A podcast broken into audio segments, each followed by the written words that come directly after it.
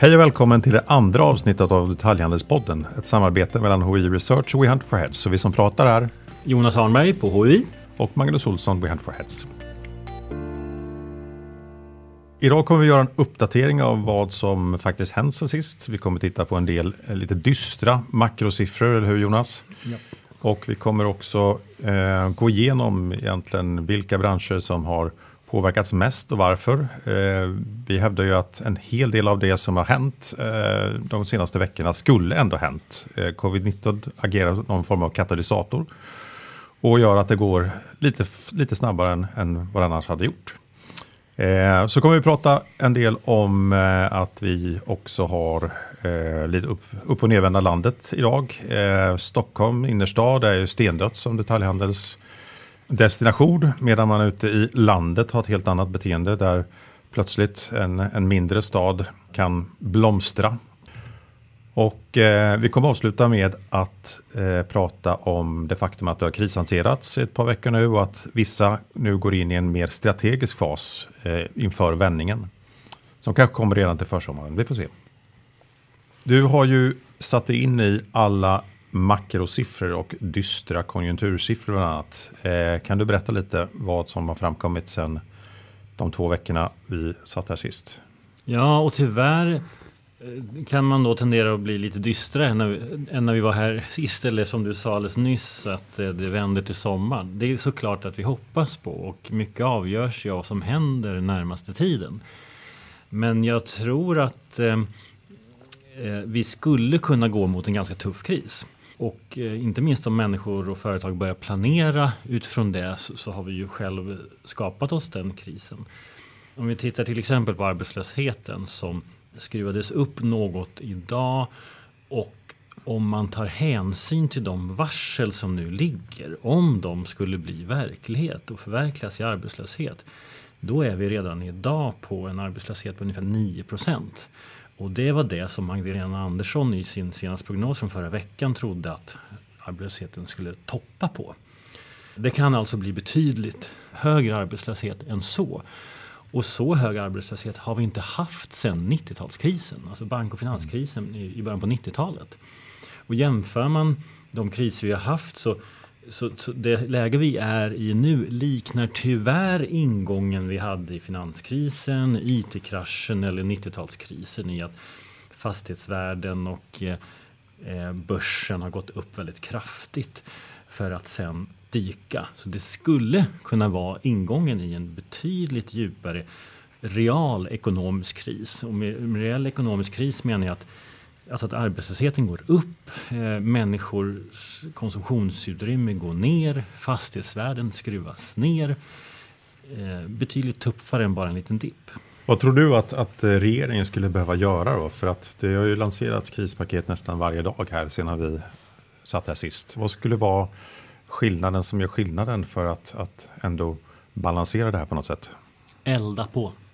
Vad väntar ni på? Alltså vi har eh, ju en av världens lägsta statsskulder eh, och ändå är vi ett av de länder som nu lägger lägst i, i, i, i stödåtgärder. Då. Mm. Mm. Vi har, det, det paket som kom här förra veckan är ju upp till ungefär 2% av BNP. Medan man i USA har lagt 10 procent, i Tyskland, Frankrike 6-7 procent. Så att vi har ju både möjlighet och anledning till att elda på mycket mer. Man ska också veta att de som har fått stryk nu det är ju tjänstenäringarna alltså. Eh, hotell, restaurang, detaljhandel. Senast vi hade en omfattande kris då var vi mycket mer av ett industriland. Idag är det fler än dubbelt så många människor som är sysselsatta i tjänsteindustrierna än vad det är i eh, industrin. Mm. Eh, så att det gäller att eh, rädda eh, restauranger, handelsföretag nu medan det är möjligt. Mm. Men kan man rädda alla då? Man bör i alla fall försöka och då tror jag att en hel del av de paket som har kommit är för krångliga. Eh, I Danmark har man ju gjort det annorlunda. Där har man ju Som företag behöver man visa upp där hur mycket omsättning man har tappat och utifrån det får man ett stöd som täcker då fasta kostnader för verksamheten. I Sverige måste man liksom gå via fastighetsägarna till exempel för att komma överens om en hyresrabatt som fastighetsägaren sen får ett bidrag till.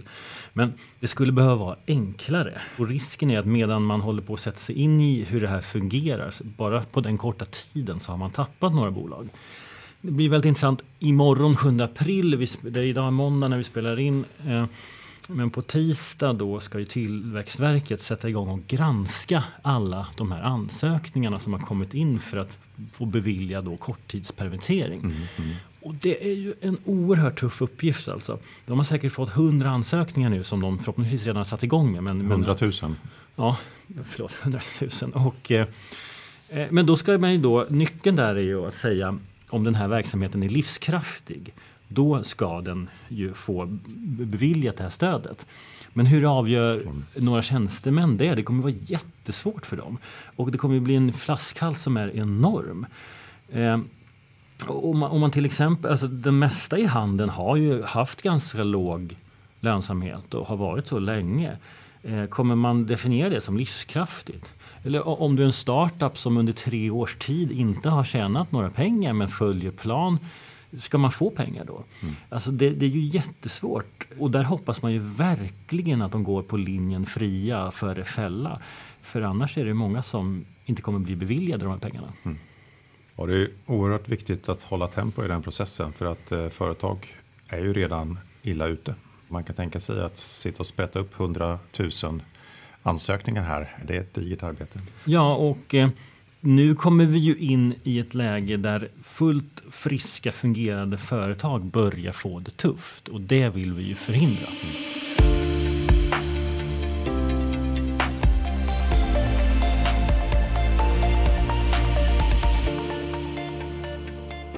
Sen vi talades vid för två veckor sedan så har ju konkurserna i handeln fått en väldig fart. Framförallt är det ju klädhandel vi har sett få problem. Och man ska ju veta att redan innan vi gick in i den här coronadrivna krisen så har ju handeln varit i en strukturomvandling där mm, väldigt många bolag upplever tuffare konkurrens och eh, inte riktigt får till det. Nätet trycker på och så vidare. Eh, men, men, men, Magnus, vad kan vi säga nu? Det, eh, det var en amerikan som sa att eh, det som har hänt de sista två veckorna hade i vanliga fall skett under en strukturomvandling på fem år. Vad är det som har hänt? Som du säger så är det ju väldigt många inom modesegmentet som har både gått i rekonstruktion och gått i konkurs. Ehm, vi såg hur Flash och D. Axelsson som ju ägs av Millby Gård blev först ut. Och det får väl ses som ett, ett försök från Mellby Gårds sida att kanske skydda sina, sina övriga investeringar det var ett bolag som inte mådde särskilt bra innan. Vi såg Retail and Brands eh, gick i rekonstruktion. Vi har sett att Venue Retail har gått från eh, rekonstruktion till konkurs och nu sen har man återkallat konkursansökan. Eh, så det finns lite, lite hopp i det här också. Men överhuvudtaget så har ju som du sa också mode varit väldigt utsatt från nätet och från den utveckling som har skett inom digitalisering. Men, men samtidigt så måste man komma ihåg att mode har haft det väldigt tufft under lång tid. Och det är delvis eh, orsakat av en överetablering. Det är delvis orsakat av att man också har kommunicerat med pris som huvudvapen. Man har lärt konsumenterna att, att priset är det enda viktiga. Och tittar man på varumärkena och de KPI som är lite längre, trögare KPI som till exempel ett varumärkes tänkbarhet eller hur många som eh, väljer ett varumärke i första hand så kan vi se i Sverige att det är många kedjor som har varit på ett sluttande tal väldigt, väldigt länge. Både inom sport och inom mode. Och eh, man har använt i stort sett alla verktyg som finns i verktygslådan redan innan krisen. Eh, man har gått från att kommunicera till sina kunder en gång i veckan till att kommunicera varje dag. Man har gått från att kommunicera 30% rabatt till 40 till 50. Så att det här har varit någonting som har legat och varit på gång väldigt, väldigt länge. Och har man dessutom då ett varumärke som en för liten mängd människor faktiskt tycker om, ja, men då har man ju en marknad längre. Så enkelt är det. Jag kan ta ett exempel att JC när de gick i konkurs så var det bara en procent av Sveriges befolkning som hade dem som, som eh, favoriter när man skulle välja inom jeanskategorin och då räcker det helt enkelt inte med att ha en, en, det räcker inte som underlag för att ha en rikstäckande kedja. Så jag är egentligen inte alls förvånad att det som hände Eh, de senaste två veckorna har, har hänt. Det är precis där det börjar. Och jag tror att vi kommer få se fortsatt utmanande tid här för mode. Och det hjälper heller inte riktigt om du är online. I och för sig så driver det här digitalisering men tittar man på de prognoser som Goldman Sachs och andra har gjort så ser de att, att mode kommer tappa 30 procent även online under kvartalet eh, som kommer. Och i den fysiska handeln så pratar man någonstans mellan 75 och 85 procent inom segmentet. För kunderna är helt enkelt inte i marknaden. Men de som har fått gå i konkurs eller in i rekonstruktion nu det du säger är att du trodde att det egentligen skulle ha skett. Vi har ju inte insikt i varje enskilt bolag, men de är i en bransch som är väldigt hårt utsatt. Vad, eh, men har de något gemensamt och, och, vad finns, och hur ser du på risken att då i dina ögon mer friska bolag eh, klarar närmsta tiden? Nej, men det, det som de har gemensamt det är just eh, en, en eh, ganska svaga varumärkesvärden. Eh, de har också gemensamt att de inte har förändrats så snabbt som, som konsumenten har gjort och därmed eh, går in i det här med dränerade kassor. De var ju, gick ju på ångorna i mångt och mycket även, även innan. Och det som är hotet nu då när man jag kan tycka att, att rekonstruktionsverktyget är lite missbrukat här. Det riskerar att bli missbrukat därför att en rekonstruktion förutsätter ju att alla som har en skuld till bolaget skriver ner kanske tre fjärdedelar av sin fordran. Och om det nu är så att det är ett, ett, en kedja eller ett varumärke som inte har kundernas, eh, har någon attraktionskraft kvar, varför ska fastighetsägare och varför ska leverantörer betala för det och det ändå sen eh, försvinner om, om något år? Jag, jag ser eh, uppenbara utmaningar med, med att få igenom de här rekonstruktionerna i flera fall.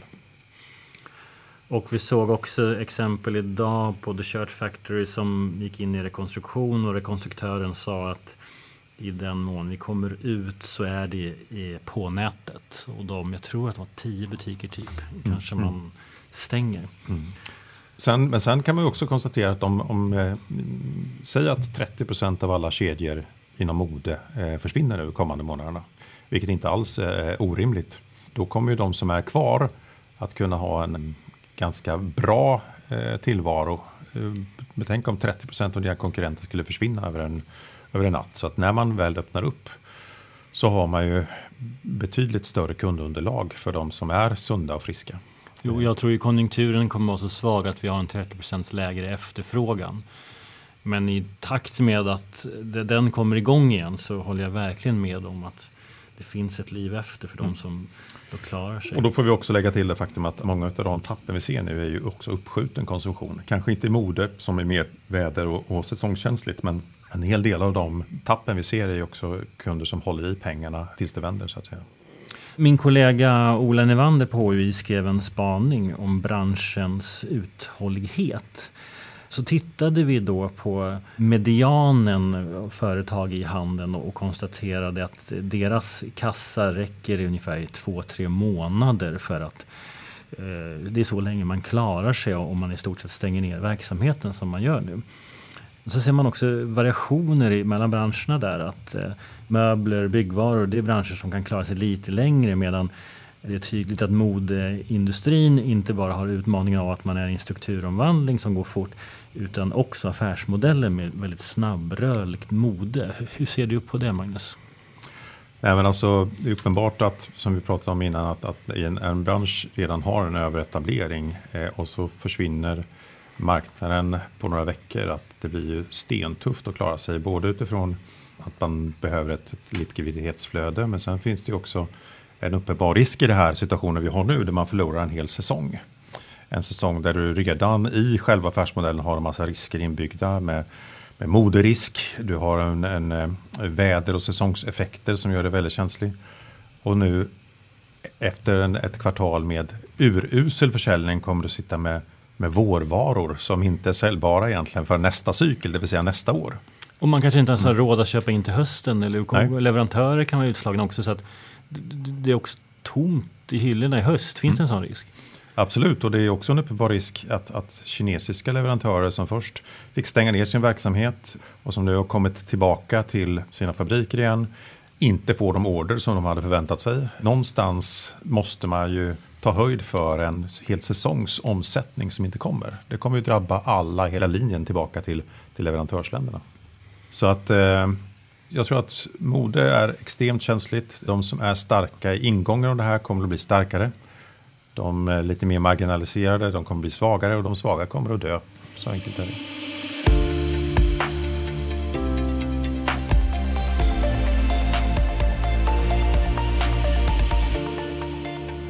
Vi ser ju också några glädjande tendenser. Alltså vi, vi, vi pratade senast och kommer prata igen om hur coronakrisen trycker på digitalisering och budgettrend. Men vi har också anat att det är en, en lokal handel som växer kraftigare under de sista åren. Och det har ju verkligen fått fart sista veckorna. Alltså C-läge som man säger någonstans långt bort utanför köpcentrum och, och, och stadskärnor har plötsligt blivit A-läge. Vad är det som händer Magnus? Tittar man på, på hur den här krisen har utvecklat sig så vi nämnde Stockholms innerstad. Här är det ju folktomt eh, och när man frågar runt bland kedjorna så är det ju väldigt tydligt att det är Stockholm, Göteborg och Malmö där man förlorar mest. Det var ju där man hade också störst fallhöjd utifrån att man haft sina stora etableringar där och tyngden i sina butiksnät där. Men samtidigt så, så hör vi ju och läser om andra som dr, faktiskt drar nytta av det här. Vi läste i Market till exempel om, om Elon ljud och bild eh, som heter Audio Video förut. Som kanske ligger på lite mindre orter. Som nu drar nytta av det faktum att människor kanske inte åker till det regionala köpcentrumet i, i, i grannkommunen utan man, man stannar kvar och handlar lokalt. Och eh, typiskt för det här orterna då är många frivilliga fackkedjor som kanske legat i B eller C-lägen i den gamla världen då, som nu är A-lägen därför att det är där folk handlar. Då kan man ju säga att, att det finns en, en uppenbar risk också att de som ligger på de eh, inom citationstecken rätt lägen historiskt sett, det vill säga för en månad sedan, kommer ju att lida ganska tufft nu också. Volymhandelsområden, externa handelscentra där man står kvar med sina kostnader men betydligt mindre intäkter. Och sen får vi se hur mycket av det här som stannar kvar. Eh, I dagligvaruhandeln ser man ju också den här rörelsen från stormarknaden till, till närmare handel. Mm. Men jag hörde också att eh, flera i externhandelsområden går helt okej okay därför att man kan parkera precis utanför dörren. Så man, man. Eh, och därför går det bra. Egen ingång är ju en, en nyckel ja. här, särskilt om, om regeringen eh, får igenom sin, sin lag där man kan stänga köpcentrum. Men, men man har fortfarande inte pratat om att stänga, stänga butiker.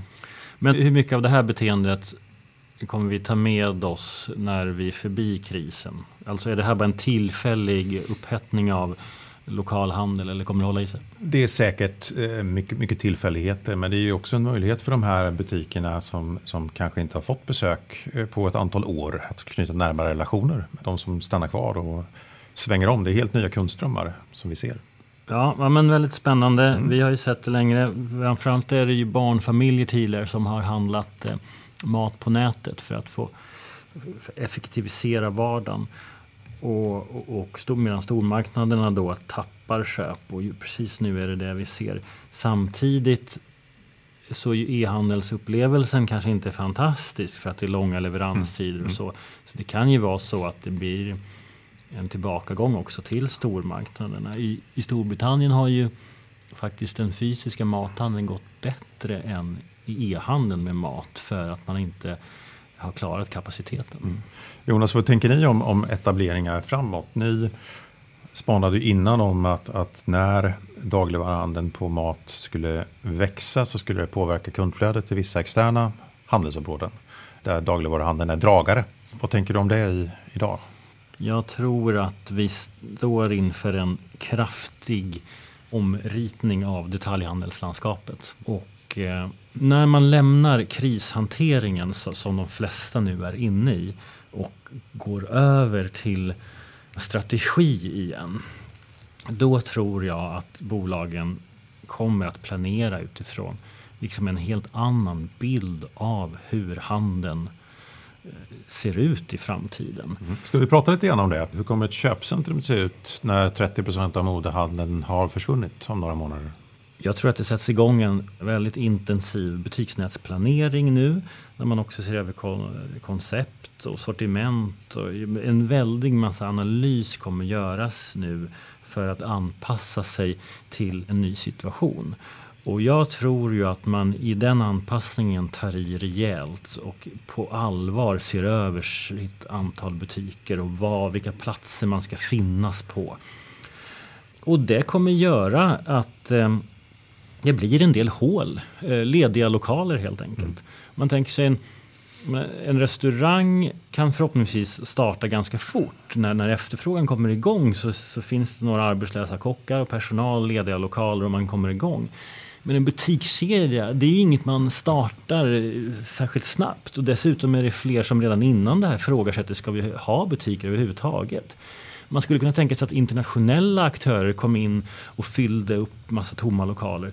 Men, men där ser, alla är ju i samma läge. Det är ingen som kommer prioritera Sverige just nu. Mm. Så vi kommer ha flera lediga lokaler framåt. Men jag tänker också att vi får aktörer som, som inte har legat i köpcentrum innan som kanske ser där det blir en win-win mellan fastighetsägare som å ena sidan kan bli av med mycket yta samtidigt.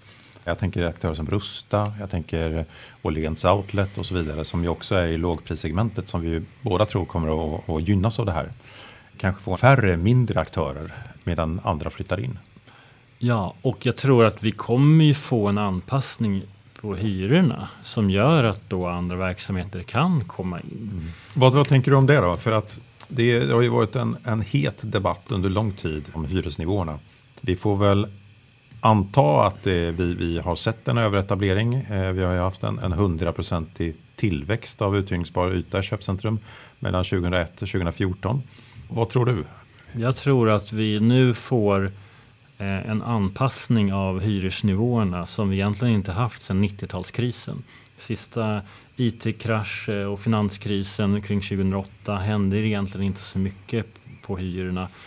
Men nu tror jag att det är dags. Och om man jämför hyrorna i Sverige som ligger någonstans typ 12, 13, 14, 15 procent av, av omsättningen för en butik så är det nästan det dubbla jämfört med många exempel ute i Europa och i USA. Mm. Och eh, det är klart att det kan bli svettigt för en del fastighetsägare. H&M sa ju det själva när de var ute och de kanske är i en särskild position att förhandla men att man det här är den hyran vi nu betalar mm. eh, och så får vi se vilken, vilken väg det tar. Men jag tror absolut att de eh, ska ner.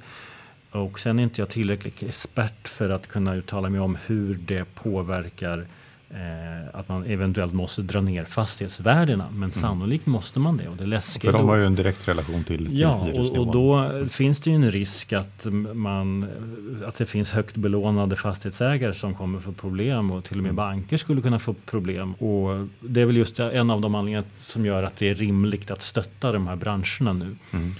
Men samtidigt kan man ju också anta att, att eh, det kommer bli en hel del omställning från detaljhandel till, till annan verksamhet i det som sker. Ja, men man har också ägnat sig åt att stoppa in restauranger, lekland, tandläkare. Väldigt mycket har ju ändrats om. Det är till och med så att man har döpt om en del centrum som heter köpcentrum till att nu bara heta centrum mm. för att det inte bara är köp längre. Mm. Och, eh, så mycket är ju gjort. Och frågan är hur mycket handel kan du ta bort från ett centrum för att ändå kunna behålla men, någon form av anledning till att ja, åka men, dit? Men det jag tänker att, att omställning utifrån att man helt tar bort köpcentrumidén. En fastighetsägare kan ju tänka i ett 50-årsperspektiv och ett, ett köpcentrum kanske blir ett lager eller någon, någon annan typ av, av verksamhet i värsta fall. Ja, men så är det ju verkligen. Och det beror lite på vilken typ av centrum du har mm. helt enkelt. Jag tror ju vinnarna kommer vara köpcentrum som är nära stadskärnor och eh, men även de här budgetområdena som vi har sett. Eh, men det finns nog en hel del köpcentrum däremellan som kommer behöva jobba med sitt erbjudande och vad man ska bidra till på den marknaden man finns på. Mm. Och det är väl samma där som när vi pratar detaljister, att de starka kommer att fortsätta vara starka. Ett, ett bra läge är ju fortfarande ett bra läge, medan de här som har varit lite grann på dekis, de finns väl uppenbara utmaningar för framöver. Utan tvekan. Mm. Vi pratar lite lågprishandel. Ehm, det har ju haft en stark tillväxt i stort sett i alla branscher de senaste åren. Vad tror vi om det? Ja, det, det finns väl ingenting som talar för att den trenden ska ebba ut. Tvärtom, alltså ju, desto djupare kris vi går mot, desto bättre kommer det gå för budgethandeln. Och, mm. eh, NK här i Stockholm som har bara på kort tid varit med om flera rekonstruktioner Kanske kan fylla upp med Rusta i hela bottenplanen som ligger där bredvid. Det kanske inte är förenligt ja, med profilen. Det vore som att svära i kyrkan, verkligen. ja, Ikea mm. letar väl också läge i, i centrum. Ja. För, det, för det ska man också komma ihåg att det har ändå varit en del av en förändring i, i det konceptuella tänket där aktörer som Ikea har velat komma mer stadsnära, komma närmare marknaden. Eh, och det är väl snarare så att vi får en utmaning i, i externhandelsområdena och den typen av big box-koncept med stor yta och därmed höga fasta kostnader. Ja, men små eh, automatiserade e-handelssatellitlager, det finns nog väldigt mycket man kan använda lokalerna till. Men eh, klart är väl att efter det här kommer den butiksnätsplanering som nu går igång på allvar göra att detaljhandelsytan är lägre än vad den är idag. Mm.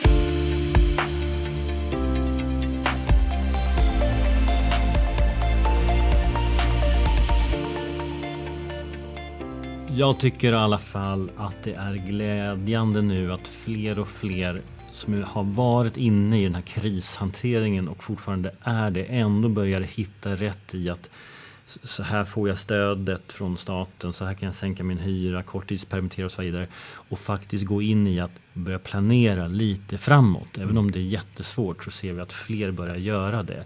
Och ja, man planerar för ett helt nytt detaljhandelslandskap men man kan ändå börja ana att vi tittar framåt.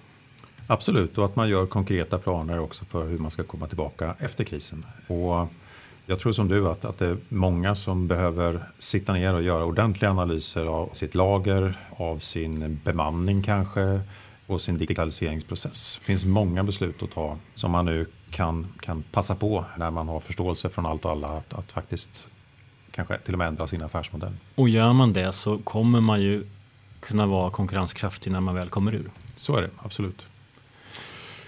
Stort tack för att ni lyssnade. Vi kommer att återkomma inom två veckor igen. Lite grann beroende på vad som händer och eh, agendan skrivs eh, ända fram till tio minuter innan inspelning så att ni är varmt välkomna att kontakta oss på Jonas Arneberg hi.se och Magnus.Olsson wehuntforheads.se om ni har tips eller inspel vad ni skulle vilja ha belyst.